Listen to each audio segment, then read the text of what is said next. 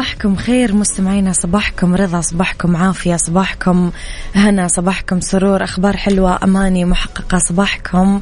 مثل ما تحبون تحياتي لكم وين ما كنتم. صباحكم خير من وين ما كنتم تسمعوني راح فيكم من وراء المايك وال control أمير العباس في ثلاث ساعات جديدة من برنامج عيشها صح ساعتنا الأولى. أخبار طريفة وغريبة من حول العالم جديد الفن والفنانين.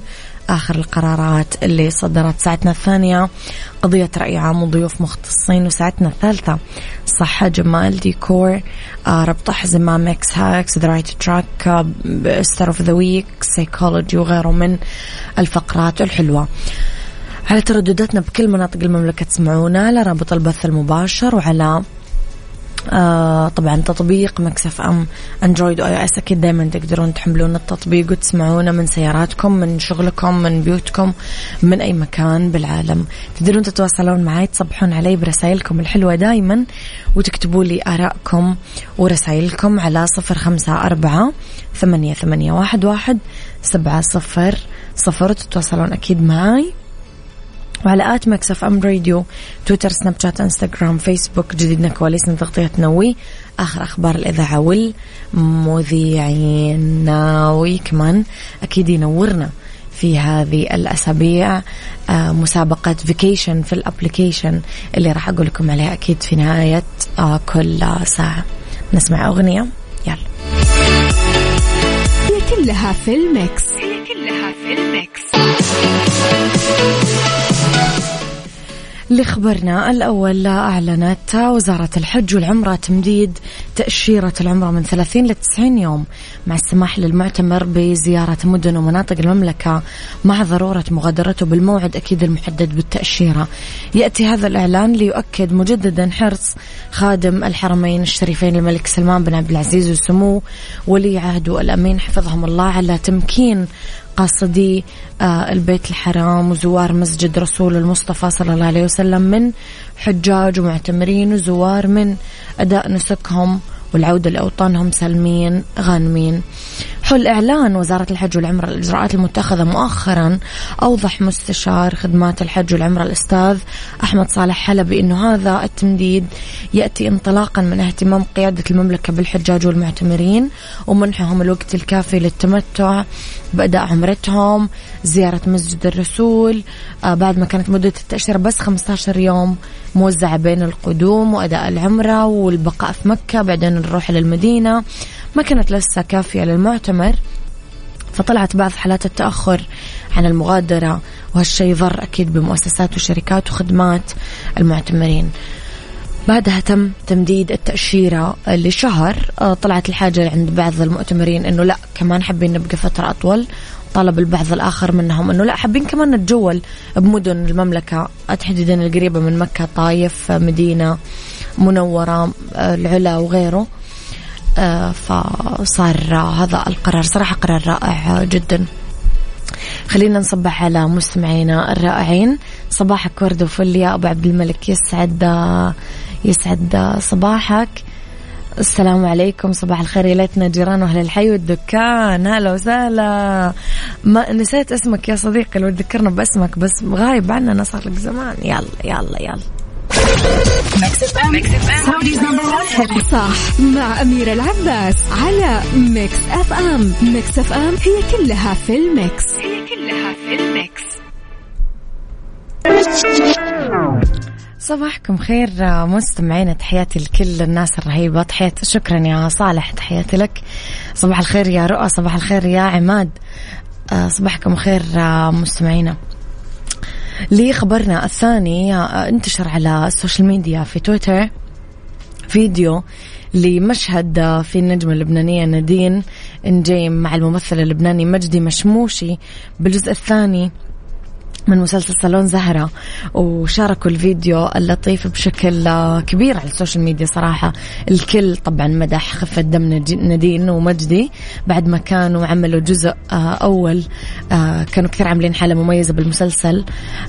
الصفحة الرئيسية الخاصة بتطبيق طبعا الموقع اللي ينزل عليه المسلسل كان من ضمنها أكيد مشهد مسلسل صالون زهرة الجزء الثاني يطلع فيه نادين وهي تغني. هش هش يديك الفرخة دي مش ليك.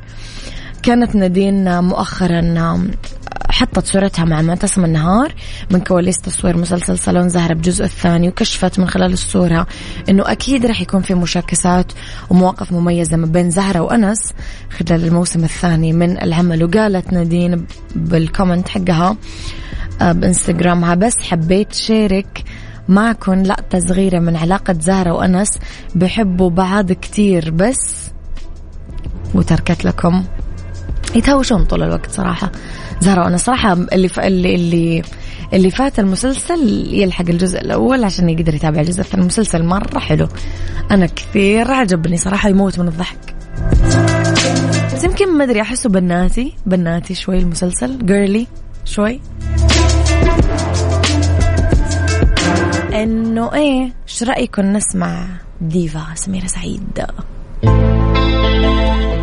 كرباج سميرة سعيد آه، ديفا. Saudi's number 1 hit music station إحنا Mix FM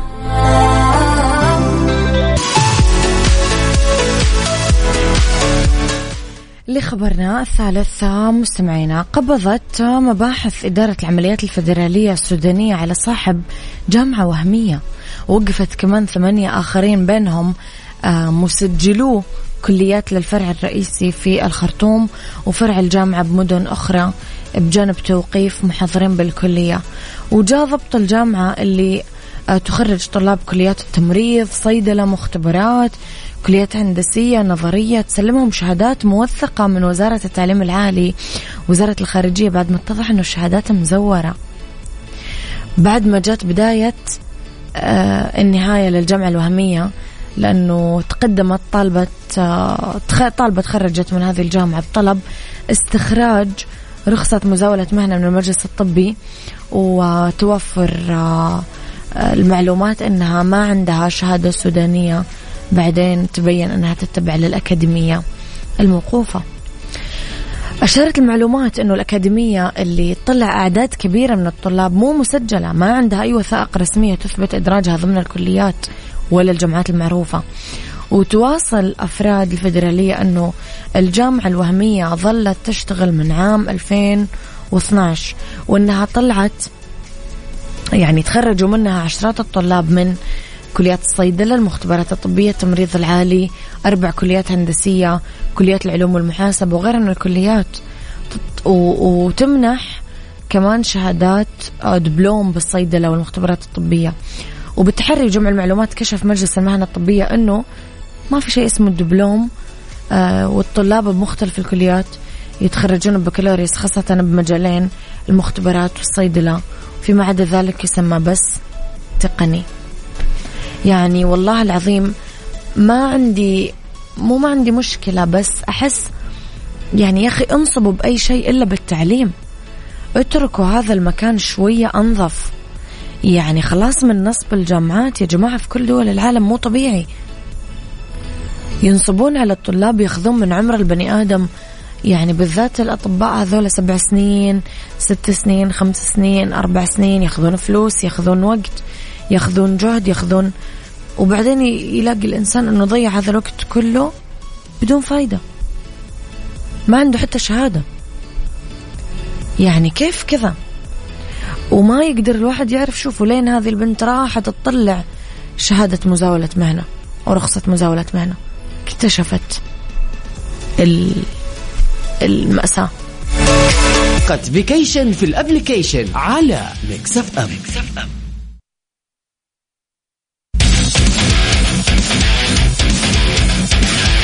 مستمرين معاكم أكيد في مسابقة vacation في ال application. وخلوني أعطيكم نبذة بسيطة للي لسه ما يعرف إيش هي مسابقة vacation في ال application.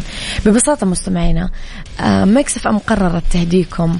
يعني آه، حبت تقدم لكم جائزة لأنكم تستحقون جائزة و break قبل نهاية السنة. بعد تعب تحتاجون راحة وتستحقون إجازة بأحد فنادق ومنتجعات الإمارات أكيد تطبق مستمعينا الشروط والأحكام. ببساطة آه اللي مطلوب منكم آه تحملون آه تطبيق Mix FM آه، سواء جوالاتكم Android أو iOS تبحثون بجملة البحث اللي هي Mix FM Radio KSA إذا آه، تطلع لكم على طول. آه، بس وتسجلون بياناتكم. عشان تدخلون بالسحب يوميا على إقامة بواحد من فنادق ومنتجعات دولة الإمارات لمدة ثلاث ليالي الرائعة. اليوم عندنا السحب راح يكون على فائز راح يفوز بمنتجع وسبا الفجيرة روتانا وفائز في فندق نور أرقان باي روتانا الفجيرة. كل واحد يقول الزين عندي صراحة كل واحد أحلى من الثاني. آه طبعا مستمعينا السحب راح يكون من الأحد للخميس ضمن برنامج كافيين من الساعة ثمانية إلى الساعة تسعة الصباح مع عقاب ووفاء كل آه يوم. فبس تدخل تحمل التطبيق تسجل بياناتك يدخل اسمك على طول. بالسحب ويوميا أكيد عندنا فائزين وكل يوم عندنا فندق يفتح النفس أكثر من اللي قبله. فلا تفوتكم المسابقة.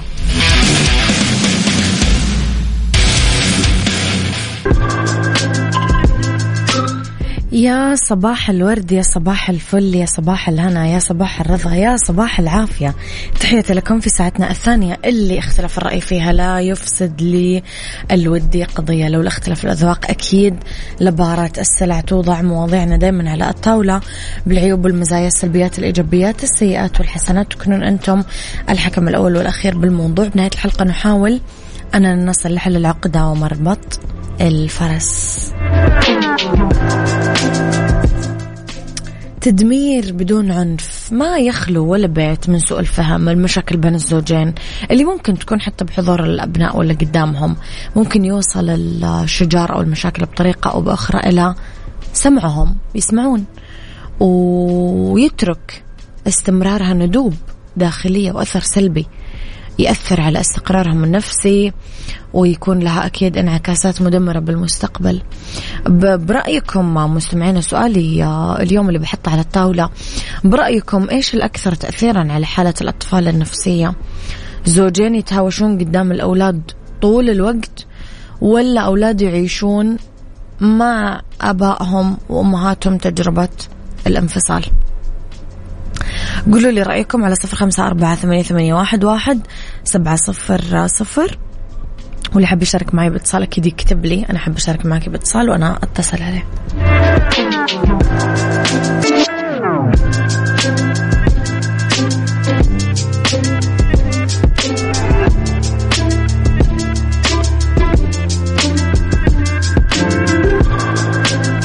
تحياتي لكم مستمعينا لطيفة تقول أه، بالواقع أميرة أشوف حسب ظروف الأم بعد الطلاق. تفرق مرة. يعني الأم إذا بترجع لبيت أهلها وأهلها بيأخذونها بعد الطلاق هنا ضاع الأطفال بصدق. الأب ما يربي اسمحوا لي بهذه الكلمة الأب ما بيحضن ولا يربي مثل الأم. آه والأم بدون دعم نفسي واستقلالية لن تكون مربية وبيضيع الأبناء. هنا أنا ضد الطلاق لو كانت المشاكل للسماء يظل البقاء مع هذا الأب أرحم من الشتات والضياع لكن لو هي مستقلة ماديا وشخصيتها قوية مع الطلاق وتربي وتحضن هالأطفال. لو تزوجت برجل ثاني هي من بيقوم بأمور أطفالها وتربيهم صح. مم. مستمعين إيش رأيكم في الموضوع؟ طرحنا اليوم قضيتنا على الطاولة كانت برأيكم إيش الأكثر تأثير على حالة الأطفال النفسية؟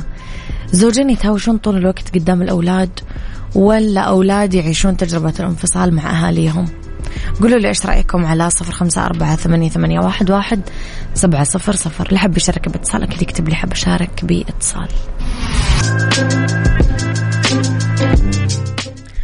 إذا نام مستمعينا واحد من الرسائل يقول لي صباح الخير أميرة. أتوقع كل الفقرتين تأثر أكثر والانفصال أكثر ضررا. نورا مسعود تقول لي يعني الاثنين تأثر والانفصال أكثر ضررا. للأسف مستمعينا الشجار الخلافات المستمرة قدام الأبناء أه، تؤدي ل يعني تسرب الذعر. خلص الذعر يبدأ يتسرب جوا نفسية الأطفال وما يصير في استقرار في النفس. يشوف دائما مستشارين العلاقات الأسرية خبراء علم النفس أنه قرار الاستمرار بعلاقة زوجية متوترة عشان نحمي الأطفال مو دائما يصب بمصلحتهم لأنه استمرار الخلافات الحادة الحادة يؤدي لتدهور معنوياتهم تدني شعورهم بالأمان العاطفي واللي يؤثر على نموهم الطبيعي وممكن يصير ضرر نفسي مباشر عليهم حتى يدوم مدى الحياة. عيشها صح مع أميرة العباس على Mix FM. Mix FM هي كلها في ال mix. هي كلها في ال mix.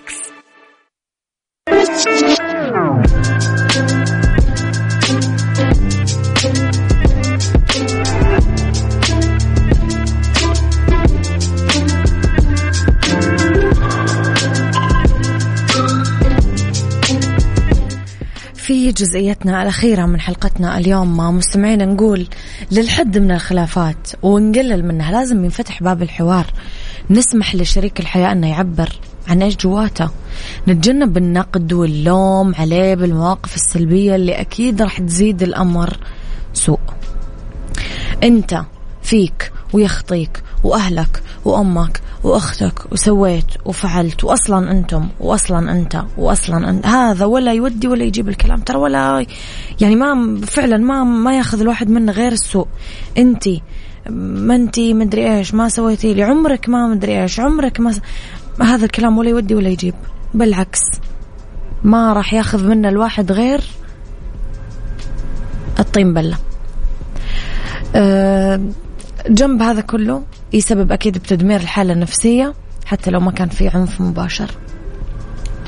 الأبناء اللي يعيشون مع أهاليهم تجربة الانفصال أو الطلاق آه، يكون الاحتكاك بين الطرفين أقل وتكون المسؤوليات اللي تقع على عاتقهم واضحة ومحددة.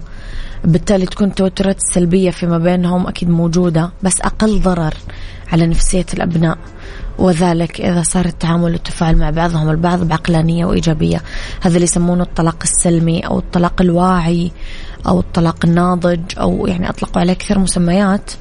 فيعني هذا هو.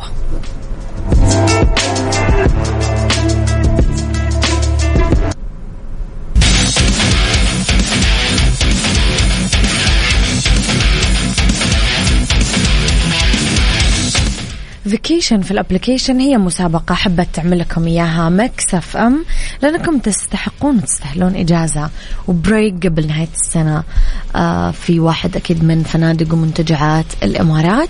طبعا مستمعينا ببساطة أنتم راح تحملون تطبيق Mix FM iOS أو Android تسجلون بياناتكم عشان تدخلون بالسحب يوميا على إقامة بواحد من فنادق ومنتجعات آه، الإمارات الرائعة لمدة ثلاث ليالي. إذا ما عرفتم فجملة البحث عن التطبيق هي Mix FM Radio KSA. فندقنا اليوم هو آه، فائز راح يكون في منتجع وسبال فجير الروتانا وفائز راح يكون بفندق نور أرجان باي روتانا الفجيرة. طبعا مستمعين السحب راح يكون يوميا ضمن برنامج كافيين من الساعة ثمانية لين الساعة تسعة الصباح آه، مع أكيد عقاب باوي وفاء.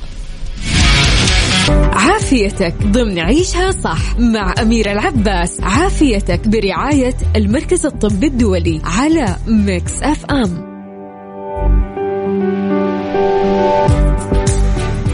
يا مسا الخير والسعادة والجمال تحياتي لكم مستمعينا وين ما كنتم راح فيكم من وين ما كنتم.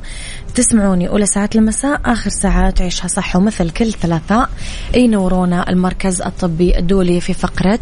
عافيتك. اسمحوا لي أرحب اليوم بضيفي في الاستوديو الدكتور إيهاب السيد استشاري جراحة المسالك البولية وجراحة ترميم المسالك البولية من المركز الطبي الدولي. سعد مساك دكتور. مساء النور. أهلا أهلا وسهلا فيك. أهلا. دكتور موضوع حلقتنا اليوم عن أورام البروستاتا الوقاية والعلاج.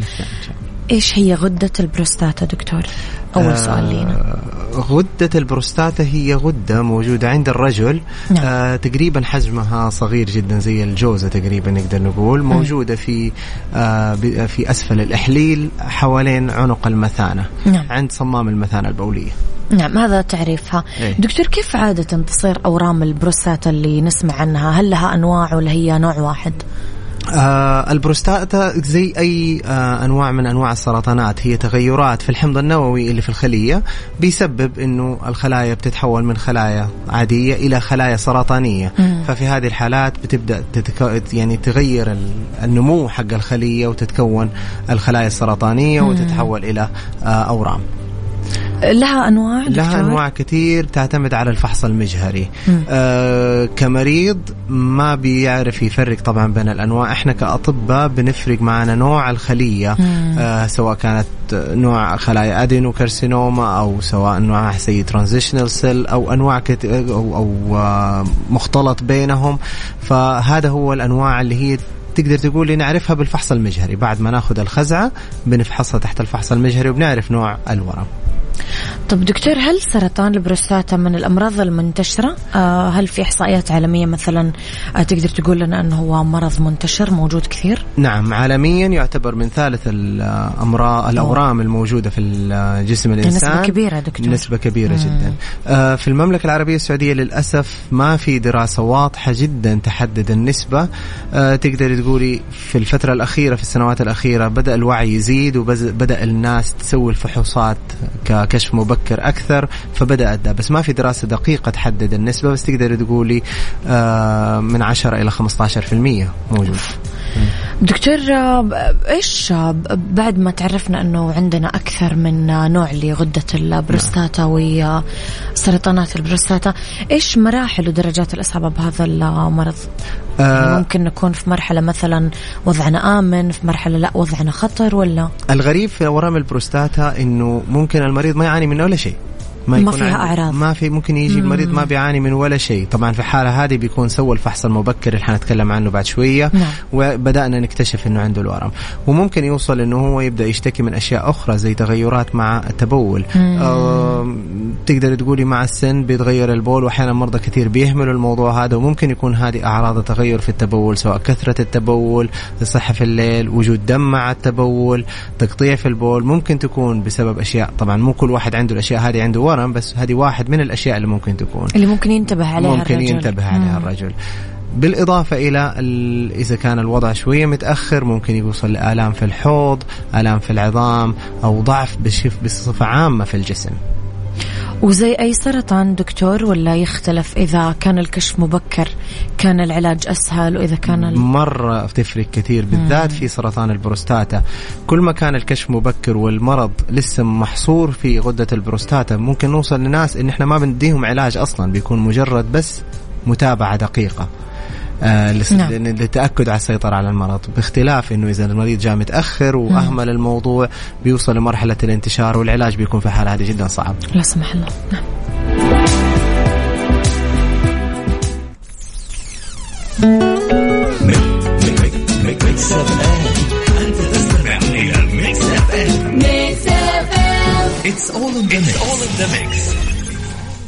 عافيتك ضمن عيشها صح مع أميرة العباس. عافيتك برعاية المركز الطبي الدولي على Mix FM.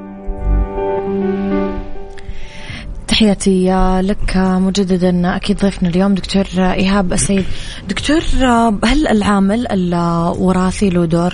بالإصابة بسرطان البروستاتا ولا لا؟ آه نعم إذا حنتكلم على العوامل عوامل كثير بس العامل الوراثي واحد من أهم الأسباب أو اهم الأشياء اللي بنشوفها مم. ومن أهم الأسئلة اللي بنسأل عليها المريض هل عندك أحد من الدرجة الأولى سواء كان الأب أو أو الجد أو آه الخال من اللي هو قريب من الدرجة نعم. نعم. الأولى عنده المرض فمعناها عندك نسبة احتمالية إصابتك بالمرض أعلى من باقي غيرك. الناس طبعا كأسباب ما في أسباب واضحة للورم مم. لكن واحد من العوامل ال- الوراثة. الوراثة آه كبر السن عادة الورم هذا ما يصيب أقل من 50 سنة مم. توصل تقدر تقولي أعلى درجة للإصابة بالورم بتكون في سن ال 65 سنة تقريبا آه أقل من 50 سنة م- نادر جدا ما بنشوفه الناس اللي عندهم وراثة ممكن يبدأوا يصابوا بالمرض من سن ال 45 نعم دكتور إيش الأعراض اللي لو انتبه عليها الرجل على طول لازم فورا يتوجه لأقرب عيادة ويكشف آه، أول شيء حضرتك ذكرت موضوع التبول, التبول. هذا هو عليه كثير هذا هو أهم شيء لأنه نعم. موضوع التبول هو العلاقة بين آه الشيء العرض الوحيد اللي بيتسبب أي مشكلة في البروستاتا بتبدأ تظهر الأعراض في البول الله يكرمك نعم. البول زي زي ما قلت لك تقطيع في البول المريض يصحى من النوم من النوم كثير دم وجود دم في البول مم. لون البول متغير آه عدم التحكم في البول أي مم. مشاكل مع التبول بتكون عادة طبعا في أسباب أخرى بس واحد من الأسباب هي البروستاتا, البروستاتا. طبعا زي ما قلت عشان الناس لا تبدأ تخاف بزيادة نعم. مو كل عرض للبول معناها ورم ممكن يكون تضخم حميد ممكن يكون التهاب ممكن يكون احتقان ممكن يكون أشياء كثير في البروستاتا طيب آه، آه، دكتور آه، زي مثل ما نتكلم إحنا عن العلاج حضرتك كثير وصيت بالفحص المبكر نعم. زي ما قلت حضرتك إنه إذا كان الشخص مثلا عنده عامل وراثي يكون أحرص من غيره ويروح بدري للدكتور نعم. بس عامة الرجال دكتور إيش الوسيلة اللي تخص الفحص المبكر النصيحة المهمة للفحص المبكر نعم. اللي هي بتفرق معنا مرة كثير اللي هي هو تحليل دم ترى يعني نعم. يمكن الأمراض أورام أخرى تحتاج مناظير تحتاج أشعات بالنسبة لنا في البروستاتا هم شيئين المهمين نعم. من سن الخمسين الناس اللي ما عندهم وراثة نعم. من سن الخمسين سنويا يسوي تحليل للدم هرمون اسمه هرمون ال PSA آه هو تحليل دم ما ياخذ خمسة دقائق حتى سعره في متناول الجميع وبيتسوى أصلا في كل الأماكن. المختبرات. في كل المختبرات والمراكز. آه هذا التحليل إذا عالي عن النسبة الطبيعية بيعطينا زي علامة إنه هذا المريض احتمالية وجود الورم عنده واردة جدا. أعلى من غير فلازم نروح للخطوة الثانية اللي هي الأشعات أو الخزعات من البروستاتا. الشيء الثاني غير التحليل الدم اللي هو الفحص عند طبيب المسالك البولية مرة سنويا من سن الخمسين. طبعا الناس اللي عندها وراثة وعندها زي ما يقولوا آه آه ناس كثير في العائلة عندها أو توفت رحمة الله عليهم بسبب أورام البروستاتا ننصحهم أنه ممكن يبدأوا الفحص هذا من سن ال 45 سنة. نعم دكتور أكيد مستمرين في أسئلتنا ونوصي الناس اللي عندهم أي سؤال يخص حلقتنا اليوم. اكتبوا لنا يا فضلا على صفر خمسة أربعة ثمانية, واحد سبعة صفر صفر.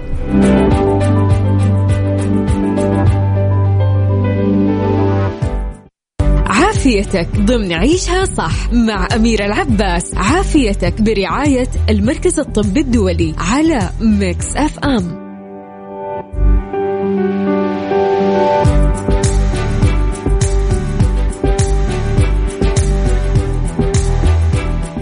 تحياتي لكم مستمعينا تحياتي مجددا لضيفي اليوم دكتور إيهاب السيد استشاري جراحة المسالك البولية وجراحة ترميم المسالك البولية من المركز الطبي الدولي. كلامنا اليوم على أورام البروستاتا الوقاية والعلاج. دكتور وصلنا إلى نقطة التشخيص. كيف يتم تشخيص أورام البروستاتا مسارات العلاج إيش هي؟ أول شيء في التشخيص التحليل الهرمون كفحص تحليل الدم اللي حضرتك ذكرته. أيوة. بعد كده إذا تحليل الدم عالي بنروح الخطوة الثانية اللي هي آه يا إنها أشعة رنين مغناطيسي على منطقة البروستاتا نعم. آه أو آه بنروح على طول على خزعة عن طريق مم. الأشعة برضو بدون عملية ولا شيء بناخذ خزعات عينات من خلايا البروستاتا ونفحصها تحت المجهر لما وصلنا نتأكد من وجود التشخيص وجود الورم نعم. بالدرجة الفلانية لأنه الفحص المجهري بيبين لنا درجة الورم بعد كده بنجلس مع المريض بناء على درجة الورم بناء على سن المريض على الأمراض إذا عنده أمراض مزمنة أخرى بناء على الحالة الطب الحالة كاملة بنبدأ نعم. نحدد الطرق، الطرق العلاجية تتراوح بين ولا شيء يعني أحيانا يجي المريض هرمون البروستاتا عالي شوية مم. الخزعة فيها ورم بنسبة جدا جدا قليلة مم. من أقل الدرجات نقول للمريض ما يحتاج تسوي شيء بس تعال لنا كل سنة هنعيد مم. الهرمون ونبدأ نشوف. إذا علي في النص ساعتها بنبدأ نغير طريقة العلاج. طبعا الطرق الأخرى زي العلاج الإشعاعي أو العلاج بالجراحة. الجراحة عاليا ما حد بيسوي جراحة جراحة كلها اللي هي جراحة الروبوت عن طريق جهاز الروبوت. هذه احدث تقنيه متوفره في العالم كله. نعم. آه فتحات صغيرة زي المناظير بس بالروبوت وبتتسوى العملية. المريض بيجلس يوم يومين في المستشفى بعدها ويروح البيت وأموره بتكون تمام. أنواع العلاجات الأخرى لا قدر الله في مرحلة الانتشار اللي هي العلاج الكيماوي. لا الاستئصال هو الجراحة بالرباط آه نعم. غير كده اللي هو العلاج الكيماوي مم. والعلاج بالهرمونات والأشياء هذه كلها هذه بس تكون في المراحل المتقدمة. إذا الورم لا قدر الله المريض جاء متأخر أو انتشر الورم ساعتها بنبدأ نتفك نتفاهم فيها. دكتور بما انه حضرتك آه، ذكرت أنه هو يعتبر إلى حد ما نسبة انتشاره عالية مقارنة بباقي أنواع السرطان، ليش ما يدرج الفحص الخاص فيه بما إنه فحص دم بسيط ضمن ال- ال check up العام اللي إحنا نسويه مثلا سنويا، مثلا الرجال ليش ما يتوصون إنه سنويا المفروض يعملونه مرة على الأقل؟ مفروض وهذا اللي إحنا بننصح فيه الرجال يعني أنا أي مريض بيجيني العيادة دحين الحمد لله يعني مقارنة بالسنين اللي فاتت صار في وعي أكثر. صار في وعي أكثر كثير مرضى يجوا العيادة يقول لي أنا جاي بس أبغى أسوي هرمون ال PSA وأمشي آه أي مريض بيسوي فحص شامل بتلاقي هرمون ال PSA مضمون فيه بس مو كل المرضى بيسووا الفحص الشامل هذا كل سنة. في صح. ناس ما بتسوي. فبالعكس يعني حاليا أغلب المختبرات لما تيجي رجل رايح لهم في سنه كبير يقول أبغى فحص شامل بيضيفوا هرمون ال PSA بس إلى الآن ما وصلنا للوعي إنه كل مريض لازم يسوي فحص شامل سنويا. بس إحنا نتكلم أقل شيء الرجال اللي فوق الخمسين تحليل دم بسيط تكلفة جدا بسيطة آه نتائجه بتطلع ثاني يوم على طول لهرمون البي اس اي طب دكتور بما أنه حضرتك ذكرت العلاج الكيماوي بيسألوني هنا أنه هل كل الحالات عادة تحتاج علاج كيماوي لا. ولا بس المنتشر جدا؟ المنتشر الرافض للعلاج الهرموني يعني العلاج آه،. الكيماوي okay. في بروستا هرمونا في أورام البروستاتا يعتبر خطوة أخيرة يعني زي ما يقولوا حتى بعد الأخير إنه آخر شيء بنستخدم علاج الهرمونات في حالة رجوع الورم وعدم استجابته الكاملة لعلاج الهرمونات بنستخدم العلاج الكيماوي.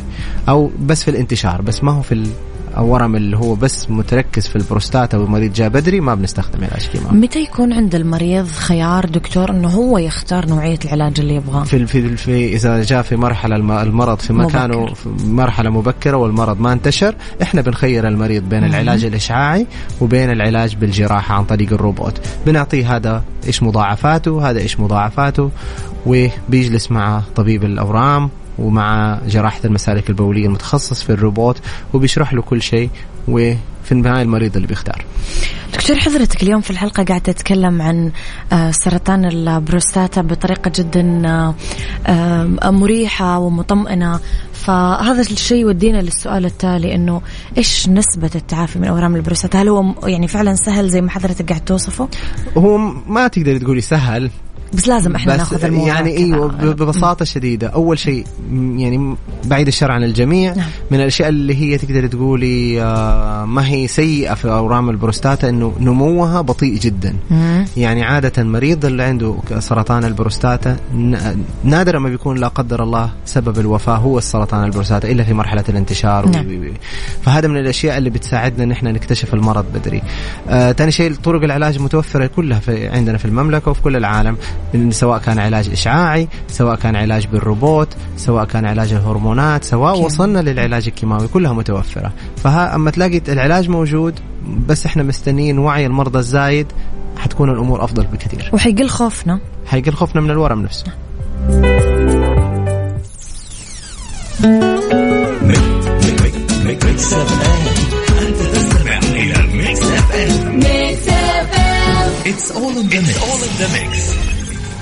عافيتك ضمن عيشها صح مع أميرة العباس عافيتك برعاية المركز الطبي الدولي على Mix FM دكتور نوهنا كثير عن آه، فكرة الكشف المبكر ونوهنا عن العلاج والتشخيص وإلى آخره. إيش يعني المتابعة بعد انتهاء العلاج؟ فيعني المريض تعالج ومر بهذه المرحلة وإلى آخره، هل راح يرجع يتابع معاكم بعد؟ نعم.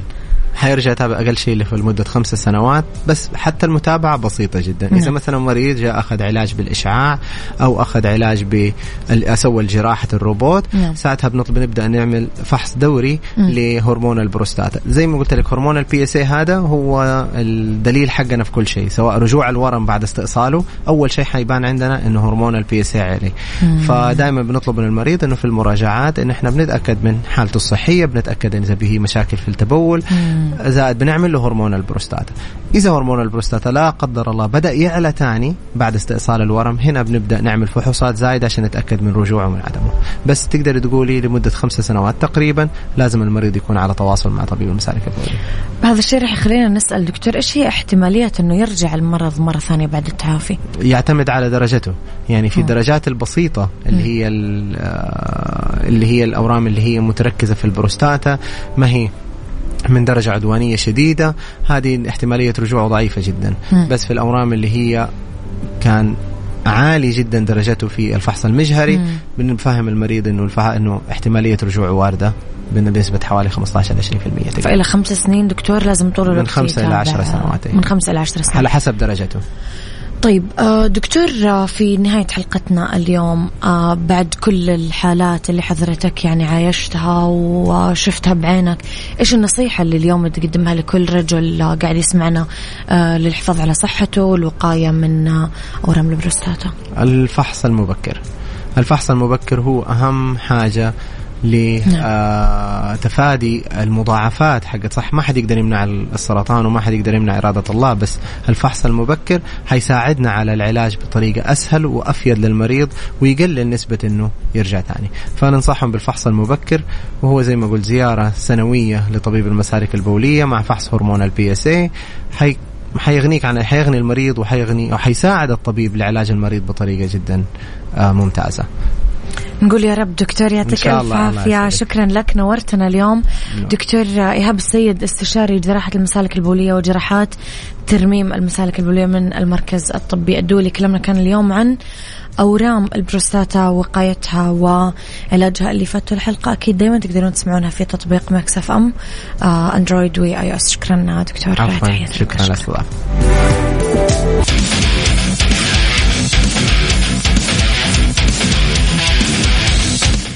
مسابقة vacation في ال application هي المسابقة اللي حبت Mix FM تهديكم إياها وحبت